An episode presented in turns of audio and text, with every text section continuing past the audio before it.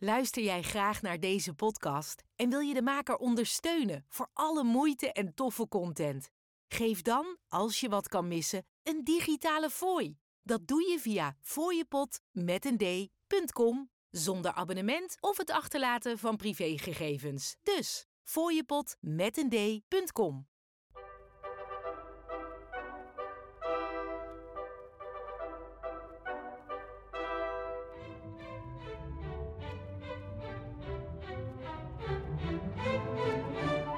Hallo allemaal. Welkom bij Geschiedenis met Sjaak, de podcast waarin ik, Sjaak, met jou de geschiedenis induik. In deze aflevering het tweede deel over het bloedbad van Nanjing. In de vorige aflevering heb ik verteld over de voorgeschiedenis van de Japan-Chinese oorlog, de inname van de stad en hoe daarna afgerekend werd met de aldaar aanwezige Chinese soldaten. Vandaag zal ik het gaan hebben over hoe het de burgers verging na de inname van de stad, over de veiligheidszone en de rol van enkele Europeanen en Amerikanen in de stad. En ik zal proberen een antwoord te geven op de vraag hoe het nou allemaal zover heeft kunnen komen en waarom het bloedbad van Nanjing na de oorlog enigszins in de vergetelheid is geraakt. Maar voor we zover zijn, laten we bij het begin beginnen. Op 13 december 1937 in Nanjing. Goed, voor ik begin even een kleine dienstmededeling. Ik spreek dit wat later in omdat ik de aflevering heb opgenomen, maar dat komt omdat ik me pas later realiseerde dat deze aflevering op 3 oktober online komt en dat Geschiedenis met Zaak ooit op 1 oktober 2022 begonnen is en daarmee bestaat de podcast nu dus officieel één jaar. Nou, daar wilde ik toch even kort bij stilstaan en eigenlijk vooral om jou te bedanken. Een jaar geleden ben ik eigenlijk zonder grote doelen begonnen hieraan. Met, nou ja, vooral als achterliggende gedachte dat ik het gewoon leuk vond om nog wat met geschiedenis te doen. En dat heb ik het afgelopen jaar met heel erg veel plezier gedaan. En de hoofdreden waarom ik er zoveel plezier uithaal, dat ben jij, de luisteraar. Ik had eigenlijk nooit echt gedacht dat er zoveel mensen naar geschiedenis met Sjaak zouden gaan luisteren. En langs deze weg aan jullie allemaal, aan al diegenen die luisteren, die de show volgen op de verschillende podcastplatforms of op Instagram en Facebook, die een rating of review gegeven hebben, die een bijdrage via Fooiepot hebben gegeven, die suggesties, tips of tops hebben gestuurd via mail of DM en ga zo maar door. Aan jullie allemaal heel, heel, heel erg veel dank en ik hoop in de toekomst nog veel afleveringen te mogen maken. En dan nu door naar deel 2 van het bloedbad van Nanjing. Goed, ook hier wel weer even een disclaimer. Er zullen ook in deze aflevering stukken voorkomen die behoorlijk gruwelijk zijn. Als zo'n stuk komt, dan meld ik dat even, zodat je eventueel kunt doorspoelen naar een later punt in eh, de aflevering. Maar goed, zoals in de introductie al verteld, in de vorige aflevering heb ik verteld hoe de Japanners na de val van Nanjing in eerste instantie zich vooral focusten op het uitschakelen van zoveel mogelijk Chinese soldaten. Die moordpartijen die praten ze voor zichzelf goed door te stellen dat dit noodzakelijk was omdat ze niet in staat zouden zijn om tienduizenden of misschien wel meer krijgsgevangen soldaten te bewaken en te voorzien van het benodigde voedsel en medische hulp. En dus was het doodschieten van die mensen daarmee misschien wel menselijker, tussen aanhalingstekens. Maar ja, punt was natuurlijk, er bevonden zich ook nog eens enkele honderdduizenden burgers in Nanjing en daaronder waren natuurlijk ook nog talloze soldaten die zich niet hadden overgegeven. Nou, de Japanners die waren doodsbang voor een opstand en dus moest dit potentiële gevaar zo snel mogelijk worden geëlimineerd. Praktisch probleem is hierbij natuurlijk, hoe kom je erachter wie een soldaat is en wie een gewone burger? De soldaten die zich niet hadden overgegeven, die hadden natuurlijk hun uniform al lang en breed uitgetrokken en zich vermomd als burger. En dus besloten de Japanners maar een soort sleepnetmethode te gebruiken. In theorie kon namelijk elke mannelijke inwoner tussen de 16 en pakweg 75 een soldaat of een potentiële onruststoker zijn. En dus was het maar beter om er zoveel mogelijk bij voorbaat uit te schakelen, zodat ze later geen probleem zouden kunnen vormen. De inwoners van Nanjing zelf die hadden hier natuurlijk geen weet van en die wachten intussen in spanning af wat er zou gaan gebeuren. Ongetwijfeld waren er mensen in de stad die geloofden wat stond in de Japanse pamfletten die waren uitgedeeld en daarin werd namelijk beloofd dat de burgers vriendelijk behandeld zouden worden. Er waren dan ook zelfs burgers die Japanse vlaggen voor hun raam hingen in de hoop dat ze daarmee een vriendelijke behandeling zouden krijgen. Al snel bleek wat de Japanners van plan waren. Elke mannelijke inwoner die ze na de inname van de stad in het zicht kregen, die werd gearresteerd. Vervolgens werden die gevangenen afgevoerd naar plekken buiten de stad. Daar bleven ze dan vaak enkele dagen, waarbij ze bijna geen voedsel en drinken kregen. En na enige tijd werden ze allemaal bij de handen gebonden en werden ze afgevoerd naar een afgelegen plek. Nou, op die plek werd dan meestal al snel duidelijk wat de gevangenen te wachten stond. Alleen al de lijkenlucht die hing op de executieplekken, die maakte dat meer dan duidelijk. En daarnaast waren er vaak grote massagraven te zien die al deels gevuld waren met lichamen. En de opgestelde machinegeweren die lieten vaak ook weinig aan de verbeelding over. Maar op dat moment was het te laat om nog te ontsnappen. En vergeet hierbij ook niet, bij alle waren de handen gebonden en door gebrek aan voedsel en drinken waren de meesten sowieso ernstig verzwakt. Nou, op deze manier werden tienduizenden burgers vermoord en een verslag over hoe dit eraan toeging is het verhaal van Tang Xunsan. Als je liever even geen gruwelijkheden hoort, dan is dit een moment om even vooruit te spoelen naar 11 minuten en 35 seconden. Tang Xunsang was op het moment van de Japanse inname van Nanjing 25 jaar oud en hij was op dat moment in de leer bij een schoenmaker. Hij was dus nadrukkelijk geen soldaat. Tang en twee van zijn vrienden die hadden al een vermoeden hoe de Japanners tekeer zouden gaan en daarom hadden ze zich toen de Japanners de stad binnenkwamen verstopt. Ze hadden de deur van een huis weggehaald en deze dichtgemetseld en zo bleven ze enige tijd zitten. Maar Tang die was toch wel nieuwsgierig en ondanks dat zijn vrienden hem smeekten om het niet te doen, ging hij toch naar buiten toe. Nou, daar kreeg hij vrijwel meteen spijt van, want op straat zag hij tientallen lichamen liggen van mannen, vrouwen en kinderen. De meeste daarvan die waren simpelweg doodgestoken met bajonetten. Tang wilde eigenlijk meteen alweer teruggaan, maar op dat moment zag hij in de verte een andere burger aankomen rennen. En die had een grote groep Japanse soldaten achter zich aan. Instinctief verstopte Tang zich op de dichtst mogelijke plek en dat was een grote vuilcontainer. Het punt was echter, de burger die hem tegenmoet was komen rennen, die dook ook in die container en de Japanners hadden dat gezien.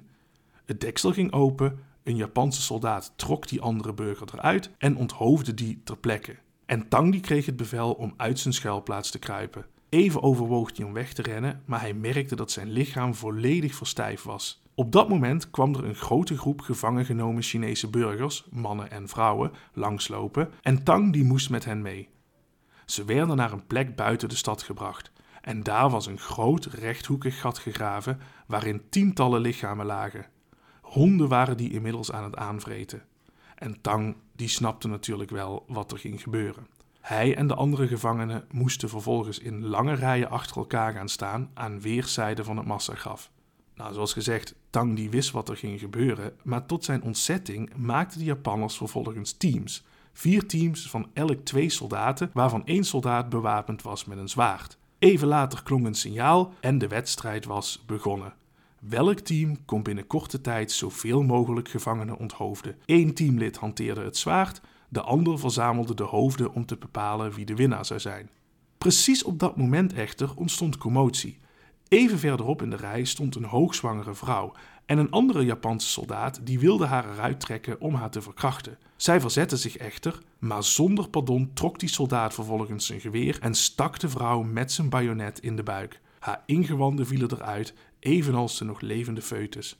Moeder en kind werden daarna beide afgemaakt. Vervolgens gingen de Japanners gewoon vrolijk door met hun wedstrijd. In eerste instantie onthoofden ze de gevangenen, maar omdat dat nogal lang duurde, gingen ze al snel over tot het doorsnijden van kelen. Tang wist zeker dat hij zou gaan sterven. Maar door een wonder gebeurde dat toch niet. Want toen de persoon die voor hem stond een slag met het zwaard kreeg, viel deze naar achter. En daardoor werd Tang ook naar achteren geduwd en hij belandde in het massagraf met de dode man die voor hem had gestaan op zich. Nou, snel trok hij de kleding van die man over zijn hoofd en zo bleef hij zo stil als maar kon liggen. Nou, toen de Japanners klaar waren met hun wedstrijdje, lag Tang nog steeds op deze manier in de kuil. Een andere groep Japanners die ging na de wedstrijd het massagraf in om er zeker van te zijn dat iedereen dood was. Dat deden ze door de lijken een paar keer te doorboren met hun bajonet. Tang die werd vijf keer gestoken, maar hij heeft al die keren geen kick gegeven en zo werd hij dus niet ontdekt. Urenlang bleef hij zwaar gewond liggen. Zijn vrienden in het huis die hadden gezien dat hij afgevoerd was en na het vallen van de nacht kwamen ze naar het massagraf toe in de hoop zijn lichaam te vinden. Maar tot hun stomme verbazing leefde hij nog. Van de honderden Chinezen die die dag vermoord zijn, was hij de enige die het heeft overleefd. Tangs verhaal is niet uitzonderlijk. De manieren waarop de Japanse soldaten de burgerbevolking aanpakten, die zijn echt ijzingwekkend. Ik zal er even een paar omschrijven. Wederom, als je na Tangs verhaal even genoeg hebt, skip even door naar 11 minuten en 35 seconden. Nou, een voorbeeld is uh, levend begraven. Duizenden burgers die werden op die manier gedood. Dat was een soort lopende bandwerk. De ene groep die moest de vorige groep begraven en vervolgens zelf gaan liggen, waarna een volgende groep hen weer begroef. Soms vonden de Japanners het ook lollig om mensen deels te begraven, hè, totdat bijvoorbeeld alleen hun hoofd of romp uitstak. En daar werden dan weer allerlei sadistische spelletjes mee gespeeld, zoals er met tanks overheen rijden of honden erop loslaten. Op andere plekken werden mensen vastgespijkerd aan bomen, elektriciteitspalen en deuren. Op andere momenten werden ze gebruikt als levend doelwit voor bajonettraining. Levend verbranden gebeurde ook heel vaak door grote groepen bij elkaar te drijven en die dan te overgieten met benzine. Maar ook hier werden vaak gruwelijke spelletjes gespeeld door bijvoorbeeld mensen op het dak van een hoog gebouw op te sluiten, dat gebouw vervolgens aan de onderkant in brand te zetten. En ja, goed, dan hadden de slachtoffers de keuze ofwel levend verbranden ofwel van het gebouw afspringen. Los van dat werden honderden burgers gedwongen om naakt in een bevroren meer te gaan zitten en zo dus langzaam dood te vriezen. Niemand was in die dagen veilig. Mannen, vrouwen en kinderen. Iedereen was een doelwit. Zelfs baby's, eh, want er zijn verhalen bekend van baby's die de lucht in werden gegooid en vervolgens gespietst werden op bajonetten. En naast deze moordpartijen vonden er ook op gigantische schaal verkrachtingen plaats. Ook hier weer spoel even door als je dit niet wil horen naar 11 minuten en 35 seconden. Nou, om hoeveel slachtoffers van verkrachtingen het gaat, dat is onmogelijk na te gaan, maar schattingen die lopen uiteen van 40 tot 80.000 vrouwen en meisjes. Want ook hier gold dat niemand veilig was. Of het nou dienstmeisjes, professoren of nonnen waren, of ze zwanger waren, of de vrouwen en meisjes nou 8 of 80 jaar waren, het maakte allemaal niet uit. Nou, velen overleefden dit logischerwijs ook niet. Sommige meisjes en vrouwen die werden tientallen keren verkracht en daarna gewoon in stukken gehakt. En dat verkrachten ging ook gewoon 24 uur per dag door en gebeurde overal, ook gewoon op straat. Huizen werden binnengegaan, hele families werden verkracht. Soms werden zonen gedwongen hun moeders te verkrachten of anders hun dochter. En na afloop werden vaak voorwerpen in de vagina's van de gedode slachtoffers gestopt als extra vernedering. Nou, dit zijn natuurlijk ijzingwekkend gruwelijke verhalen. En uh, nou ja, de impact van dit alles is heel lastig na te gaan. Want het is gewoon onvoorstelbaar hoe het moet zijn geweest om dit als vrouw of meisje te hebben meegemaakt. Logischerwijs waren er na afloop natuurlijk veel vrouwen zwanger. In 1938 schreven Amerikaanse diplomaten dat er regelmatig dode baby's gevonden werden in Nanjing en ook pleegden veel vrouwen zelfmoord nadien. Nou, en anderen die moesten de rest van hun leven ja, deze extreem traumatische gebeurtenissen met zich meedragen. Nogmaals, het is echt onvoorstelbaar hoe vreselijk het moet zijn om dit te hebben meegemaakt. Nou, zoals gezegd, het zijn allemaal uh, gruwelijke verhalen. Het totale aantal doden dat gevallen is in die dagen, dat is niet met zekerheid vast te stellen. Want problematisch hierbij is onder andere dat het Japanse leger een groot deel van de archieven van tijdens de oorlog eh, voor de capitulatie vernietigd heeft. En dat er, zoals in de vorige aflevering ook al gezegd is, ook geen goed beeld is hoeveel mensen zich nou eigenlijk in Nanjing bevonden toen de stad viel. Nou, schattingen die lopen uiteen van 50.000 tot 400.000 doden, maar de meeste onderzoekers die gaan uit van ongeveer 200.000 slachtoffers. En dat is hoe je het ook wendt of keert, een waanzinnig aantal. Maar toch had het, onvoorstelbaar genoeg bijna, nog veel erger kunnen zijn. En dat dit niet zo was, dat kwam voor een deel door de veiligheidszone. Nou, die heb ik in de vorige aflevering al kort genoemd. Uh, deze zone die was opgezet door in de stad achtergebleven Europeanen en Amerikanen. Dat waren er in totaal 22. En dat waren dan voornamelijk zakenmensen, professoren, missionarissen en artsen. Zij waren de laatst overgebleven Westerlingen, de rest die was gevlucht, want op 9 december was het laatste Amerikaanse schip vertrokken uit Nanjing. Aan dat vertrek van dat schip, daar zit trouwens nog wel een curieus verhaal aan vast. Want drie dagen nadat dat schip vertrokken was uit Nanjing, werd het aangevallen door Japanse vliegtuigen. Het schip is gezonken, er zijn ook twee doden bij gevallen. Maar wat natuurlijk vooral een ding is, Japan veroorzaakte hiermee een diplomatieke rel met de Verenigde Staten. Want dit was natuurlijk gewoon een oorlogsdaad tegen een op dat moment nog neutraal land. Nou, de Japanners die kwamen al snel met het excuus dat de piloten door de mist niet gezien hadden dat het een Amerikaans schip betrof. Maar goed, van ooggetuigen uh, weten we dat het die dag kraakhelder was, dus dit is op zijn best allemaal een beetje dubieus. Sommige historici die denken dat de Japanners met deze aanval eigenlijk vooral gewoon eens even wilden kijken hoe die Amerikaanse regering nou zou reageren. Die was echter op dat moment absoluut niet geïnteresseerd in oorlog met Japan en het hele incident werd dan ook afgedaan als een vergissing. Of ze dat in Washington ook echt zelf geloofden, dat is maar zeer de vraag. Want tijdens de aanval was een journalist aan boord van het schip en die had filmopnames gemaakt van die hele aanval. En die filmopnames wilde hij als onderdeel van een film over de oorlog tussen Japan en China in de Verenigde Staten uitbrengen. Maar op verzoek van de Amerikaanse regering heeft hij een paar shots eruit moeten knippen. En dat waren precies dat gedeelte van de opnames waarbij die Japanse vliegtuigen van dichtbij dat Amerikaanse schip beschoten. Die beelden wekten namelijk niet de indruk dat er inderdaad sprake was van een vergissing van Japanse kant, maar daarop leek het gewoon alsof het een welbewuste aanval was. Nou goed, dit even terzijde. Terug naar die veiligheidszone. Nou, deze zone was dus al in de aanloop naar de Japanse inname opgezet en die besloeg zo'n 8,5 vierkante kilometer. In Shanghai had een soortgelijke zone bestaan uh, overigens. Maar met witte vlaggen en spandoeken was duidelijk gemaakt dat het een veiligheidszone betrof en de dagelijkse leiding die was in handen van het zogenaamde Internationale Comité van de Veiligheidszone van Nanjing. En als leider werd de Duitser John Rabe gekozen. Rabe die werkte voor Siemens en was hoofd van de afdeling van dat bedrijf in China. Hij woonde op dat moment al tientallen jaren in China. Zijn kinderen waren er geboren, zijn kleinkinderen waren er geboren. Kortom, hij voelde zich enorm verbonden met het land. En dat was dan ook de belangrijkste reden dat hij bleef, naast dat hij met zijn team verantwoordelijk was voor het onderhoud van de elektriciteitsvoorzieningen in de stad, waaronder de turbines van de elektriciteitscentrale en telefoonverbindingen in de ministeries. Maar wat die Rabe nou zo extra fascinerend maakt, is dat hij daarnaast ook een overtuigde nazi was.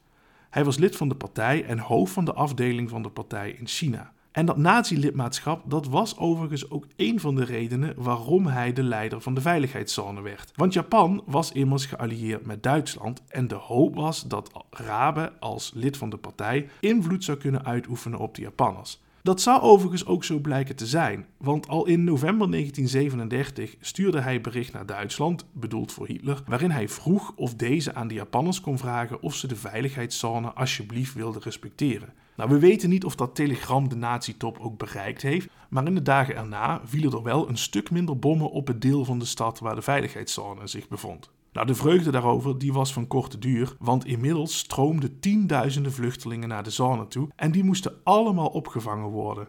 Er was natuurlijk bij lange na niet genoeg plek. Mensen moesten slapen in loopgraven, op grasvelden of gewoon op straat. De sanitaire voorzieningen die werden ook al snel een probleem. Maar het meest nijpende, dat waren de voedselvoorzieningen. Het stadsbestuur van Nanjing had namelijk 2000 ton rijst en 10.000 zakken bloem beschikbaar gesteld. Daarmee kon men in de veiligheidszone geruime tijd vooruit. Maar punt was, deze waren buiten de stad opgeslagen en daardoor was het bijna ondoenlijk om die voorraden in de veiligheidszone te krijgen. Zeker ook omdat het Chinese leger alle beschikbare vrachtwagens, auto's en bussen had gevorderd. Nou, uiteindelijk zijn leden van het internationale comité met gevaar voor eigen leven zelf maar zoveel mogelijk voedsel gaan halen in hun eigen auto's, waarbij ze soms dwars door Japanse bombardementen heen moesten rijden. En op die manier wisten ze uiteindelijk net voldoende voedsel binnen te krijgen. Nou, het internationale comité dat speelde, zoals in de vorige aflevering al verteld, ook nog een rol in de onderhandelingen met de Japanners over de overgave van de stad. Maar goed, dat was verder zonder succes. En na het aflopen van het Japanse ultimatum restte hen maar één ding en dat was afwachten. Terwijl de strijd om de stad losbarstte, kwamen nog eens duizenden vluchtelingen naar de zone. Rabe heeft op een gegeven moment zelfs zijn eigen huis en tuin opengesteld voor vluchtelingen.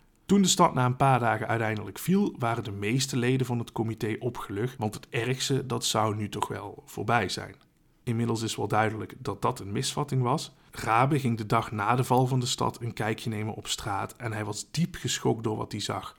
Bij een ziekenhuis waar de Japanners al langs waren geweest lagen tientallen lichamen. Even later kwam hij al rijdend in zijn auto enkele honderden Chinese soldaten tegen die optrokken naar Japanse eenheden. Rabe die stopte en riep dat ze hun wapens moesten neerleggen, want dat ze kansloos zouden zijn tegen de Japanners en allemaal gedood zouden worden. Hij raadde hen aan om naar de veiligheidszone te gaan. Veel andere Chinese soldaten die hadden dit intussen zelf ook al besloten. Het punt was echter, hierdoor ontstond opeens een gigantisch probleem. Het was namelijk zo, de Japanners die waren in eerste instantie überhaupt helemaal niet van plan om die hele veiligheidszone te erkennen. En dat wist het internationale comité ook wel, maar zij hoopten de Japanners toch nog op andere gedachten te brengen. Maar ja, nu zaten er opeens duizenden soldaten in die veiligheidszone en dat zou voor het Japanse leger absoluut volledig onacceptabel zijn. Rabe die schreef een brief naar de Japanse legerleiding waarin hij smeekte om genade en tot zijn opluchting liet een Japanse commandant weten dat de soldaten vriendelijk behandeld zouden worden en na enige tijd kwamen dan ook Japanse eenheden naar de veiligheidszone toe om die soldaten op te halen. Rabe die hoopte nog steeds dat als die soldaten burgerkleding aan hadden, het onmogelijk zou zijn om ze van burgers te onderscheiden en dat de Japanners het dat maar bij zouden laten zitten. Maar de Japanse soldaten hadden een heel slimme methode om te bepalen wie militair was en wie niet. Want het dagelijks gebruik van wapens dat zorgde voor eelt op bepaalde plekken op de handen. En het dragen van een militaire rugzak die liet sporen achter op de schouders. En door daarna te kijken wisten de Japanners eigenlijk vrijwel alle soldaten eruit te plukken. Maar niet alleen dat, ook andere mensen die eelt hadden, om heel andere redenen, bijvoorbeeld arbeiders, bedienden of politieagenten, die werden ook meegenomen. Op deze manier werden duizenden mensen afgevoerd en gedood. Het heeft Rabe de rest van zijn leven gekweld dat hij een deel van die soldaten zelf naar de veiligheidszone heeft gestuurd. In de dagen na de inname van de stad werden de moordpartijen en verkrachtingen steeds erger. Rabe die deed er alles aan om zoveel mogelijk mensen te helpen en zijn nazi-lidmaatschap kwam daarbij enorm van pas. Toen hij bijvoorbeeld een keer een huis binnenkwam waar vier Japanse soldaten bezig waren iemand te verkrachten, wees hij op zijn armband met haakkruis, die had hij bewust de hele tijd om, waarop de soldaten abrupt stopten en wegrennen. Een andere keer werd hij, terwijl hij over straat liep, door een vrouw een huis ingetrokken, waar haar dochter op dat moment verkracht werd. Rabe die greep meteen in, trok de soldaat van het meisje af. Die soldaat die wilde reageren, maar toen hij zag wie die voor zich had, rende hij, met zijn broek nog op zijn enkels, snel het huis uit. Voor de andere leden van het internationale comité was dat respect dat Rabe kreeg er niet. Zo werd een Amerikaanse missionaris, toen hij een verkrachting wilde stoppen, gewoon van de trap gegooid en anderen die werden in elkaar geslagen of kregen pistolen in hun gezicht geduwd. Nou, tussendoor probeerde Rabe het leven in die veiligheidszone zo normaal mogelijk te houden. Als iemand van de vluchtelingen die in zijn tuin zaten bijvoorbeeld jarig was, dan regelde hij een verjaardagsfeestje. Als er een kind geboren werd, dan gaf hij de ouders een klein geldbedrag cadeau. En zijn inzet leverde hem het ultieme respect op van de andere leden van het internationale comité. Want vergeet niet, vele daarvan die hadden in eerste instantie nogal op hem neergekeken, omdat hij dus lid was van de nazi-partij. John Wilson, de chirurg die ik in de voorgaande aflevering heb genoemd, die schreef in een brief dat het onvoorstelbaar was dat zo'n man die zoveel goedheid in zich had, zich aangetrokken voelde tot iemand als Hitler. En niet alleen de leden van het internationale comité waren onder de indruk, de honderdduizenden in de veiligheidszone die aanbaden Rabe zowat, want hij was degene die hem beschermde tegen de moordpartijen en verkrachtingen die gaande waren in de stad. En de inwoners van Nanjing zouden dit ook nooit vergeten, maar daar kom ik straks nog even op terug. Rabe is wel natuurlijk een perfect voorbeeld van het gegeven dat de geschiedenis en ik denk ook wel het leven in het algemeen meestal niet zwart-wit is. Zoals gezegd, hij was een overtuigde nazi en daarmee is hij onlosmakelijk verbonden met Hitler en de afschuwelijke dingen die door nazi-Duitsland zijn gedaan. Maar nazi of niet, tegelijkertijd is mede door zijn inzet honderdduizenden mensen een afschuwelijk lot bespaard gebleven. Nou, er zijn talloze verhalen en anekdotes te vertellen over de veiligheidszone en hoe het internationale comité zich inzette om de bevolking te beschermen. Ik heb Rabe eruit gepikt, maar ik had ook andere kunnen noemen. Wilhelmina Vatrim bijvoorbeeld, die was in Nanjing hoofd en decaan van de onderwijsafdeling van Ginlings Vrouwenuniversiteit voor Kunsten en Wetenschappen. Zij heeft na instelling van de veiligheidszone de campus van haar universiteit opengesteld voor vluchtelingen en in haar eentje wist ze in de maanden daarna duizenden vrouwen te beschermen. Regelmatig kwamen Japanse soldaten vrouwen weghalen om te verkrachten, maar Vartwin die probeerde dat elke keer weer te voorkomen, vaak met succes, ondanks dat het ertoe leidde dat ze zelf soms ook zwaar mishandeld werd. Nou, die veiligheidszone die werd uiteindelijk een heel groot succes. Geschat wordt dat tussen de 200 en 250.000 mensen er een relatief veilig heenkomen vonden. 100% veilig was het nooit. Eens in de zoveel tijd deden de Japanners een inval en die namen dan honderden mannen en vrouwen mee. Maar desalniettemin zijn zoals gezegd op deze manier honderdduizenden mensen gespaard gebleven voor de onbeschrijfelijke gruwelijkheden die zich elders in de stad afspeelden. Nou, in januari 1938 werd de veiligheidszone uiteindelijk op last van de Japanners opgeheven. De meeste Westerlingen die zijn daarop terug naar Europa of de Verenigde Staten uh, gegaan, maar velen zouden de rest van hun leven last houden van de dingen die ze hadden gezien in die dagen in Nanjing.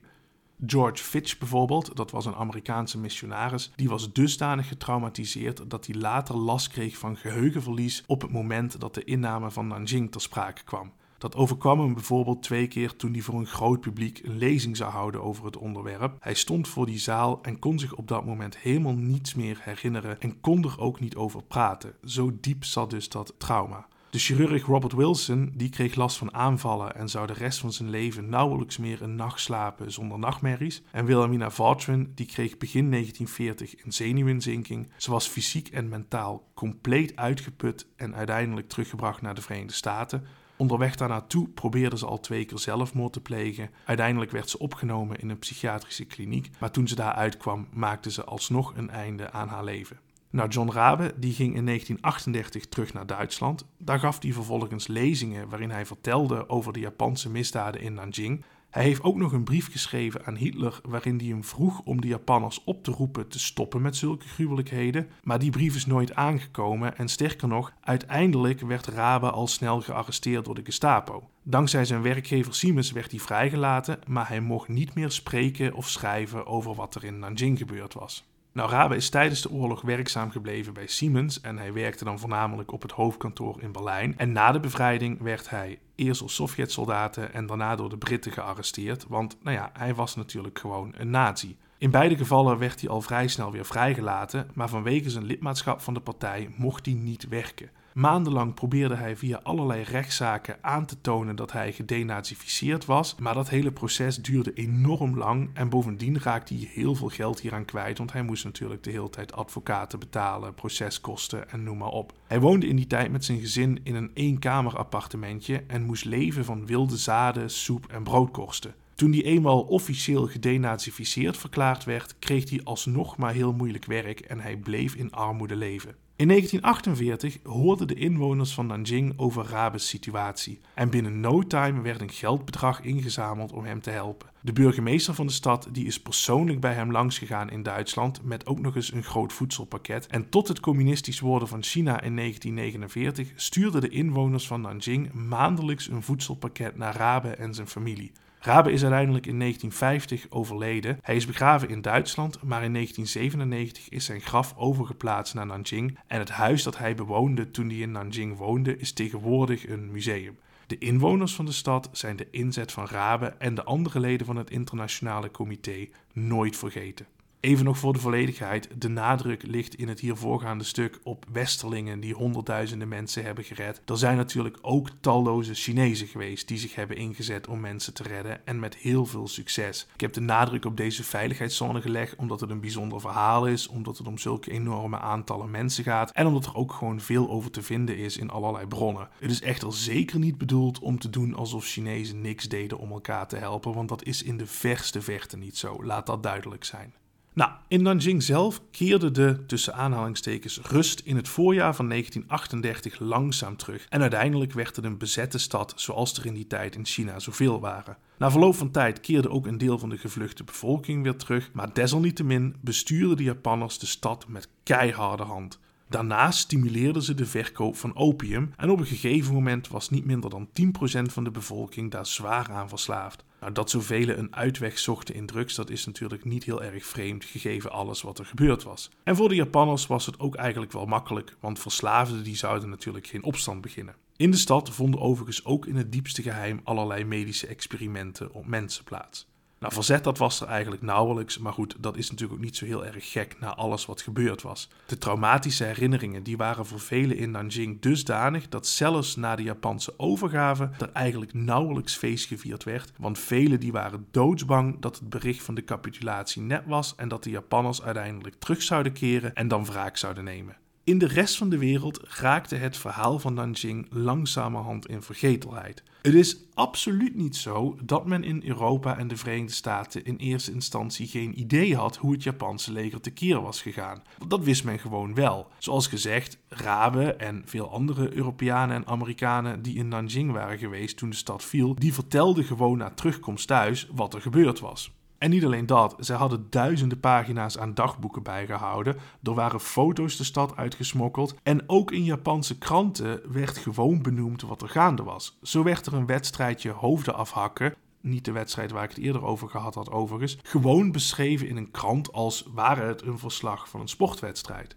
Nou, dit laatste verhaal uh, over dat krantenbericht, dat kreeg nog een staartje. Want na de oorlog organiseerde de Chinese overheid een gerechtelijk onderzoek naar het bloedbad van Nanjing. En als onderdeel daarvan werden de twee luitenants die de in het hiervoor beschreven krantenartikel de wedstrijd hoofdafhakken gehouden hadden, ter dood veroordeeld.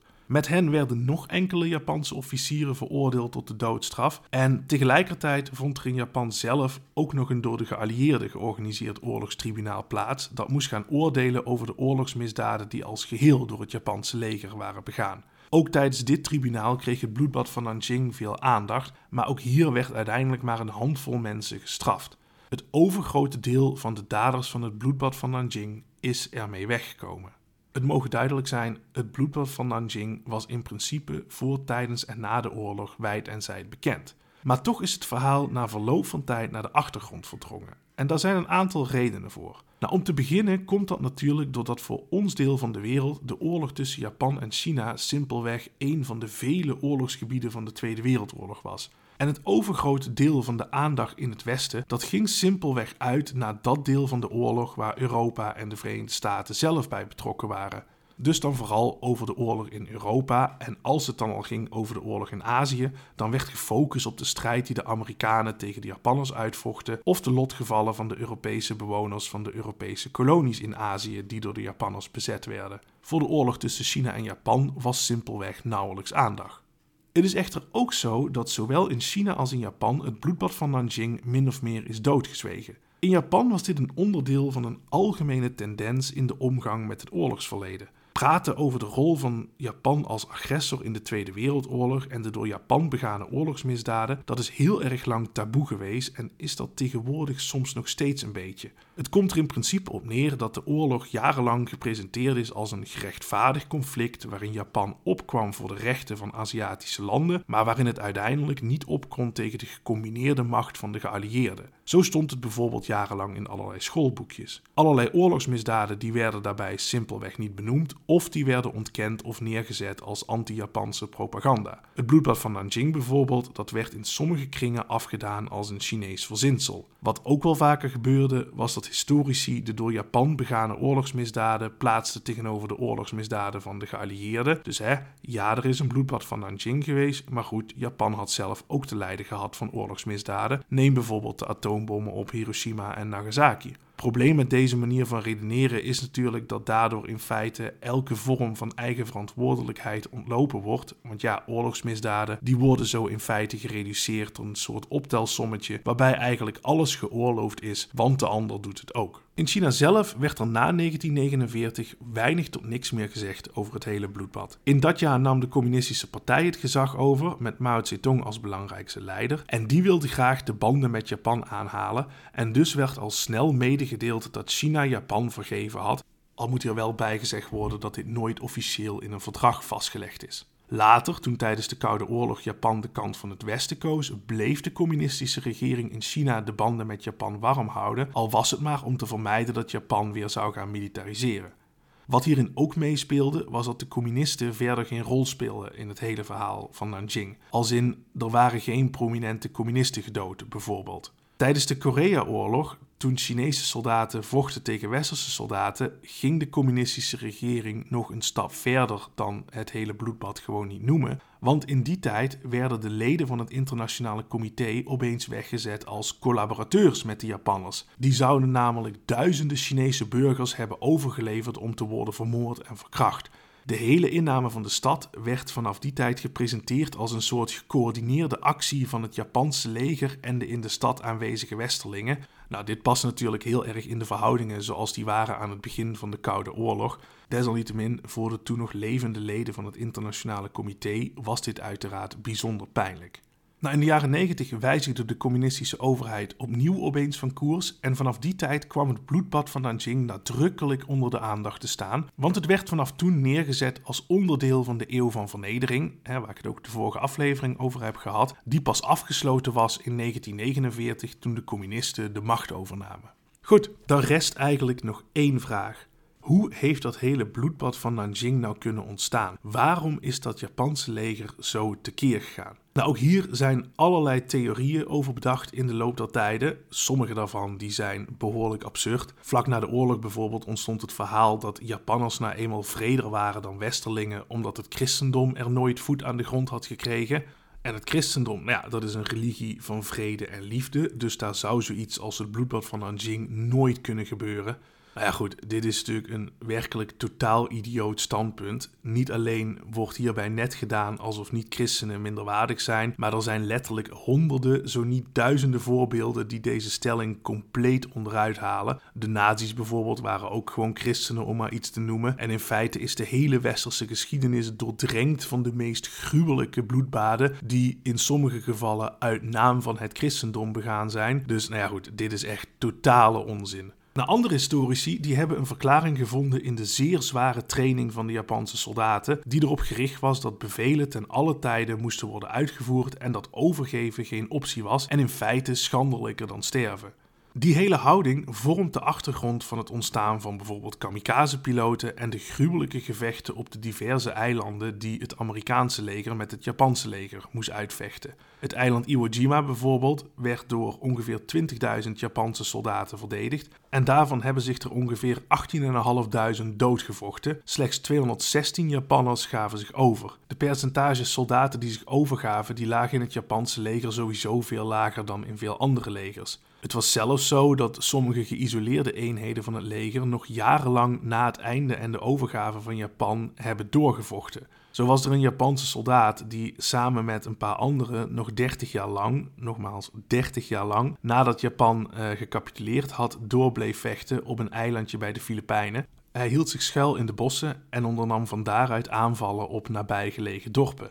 Hij weigerde te geloven dat Japan zich had overgegeven en uiteindelijk hebben ze zijn voormalige commandant moeten laten komen om hem te overtuigen. En dit was geen uniek verhaal, al is uh, eh, 30 jaar wel heel extreem. Maar goed, het zegt wel iets over de Japanse militaire discipline. En als gevolg hiervan waren de Japanse soldaten dusdanig gedrild dat ze een bevel als dood zoveel mogelijk mensen tot in de puntjes uitvoerden. En daarnaast had tijdens die extreem zware training een grondig proces van desensibilisatie plaatsgevonden. De vijand die was minderwaardig en veel Japanse soldaten die vertelden later ook hoe ze neerkeken op de Chinezen die zich in hun ogen als makke lammetjes neerlegden bij hun nederlaag. Dat was voor hen sowieso al onbegrijpelijk dat een soldaat dat kon doen. En als je dat dan deed, dan was het ook terecht dat zo iemand gedood werd. Nieuwe recruten die kregen vaak als taak om gevangenen neer te steken met hun bajonet en velen hebben achteraf ook verklaard dat het naarmate ze dit vaker deden steeds makkelijker werd. En dat is overigens helaas een heel menselijk psychologisch proces. Nou, dat er een order gegeven was dat gevangenen moesten worden gedood, dat staat overigens wel vast. Wie die order precies gegeven heeft, dat is dan weer onduidelijk.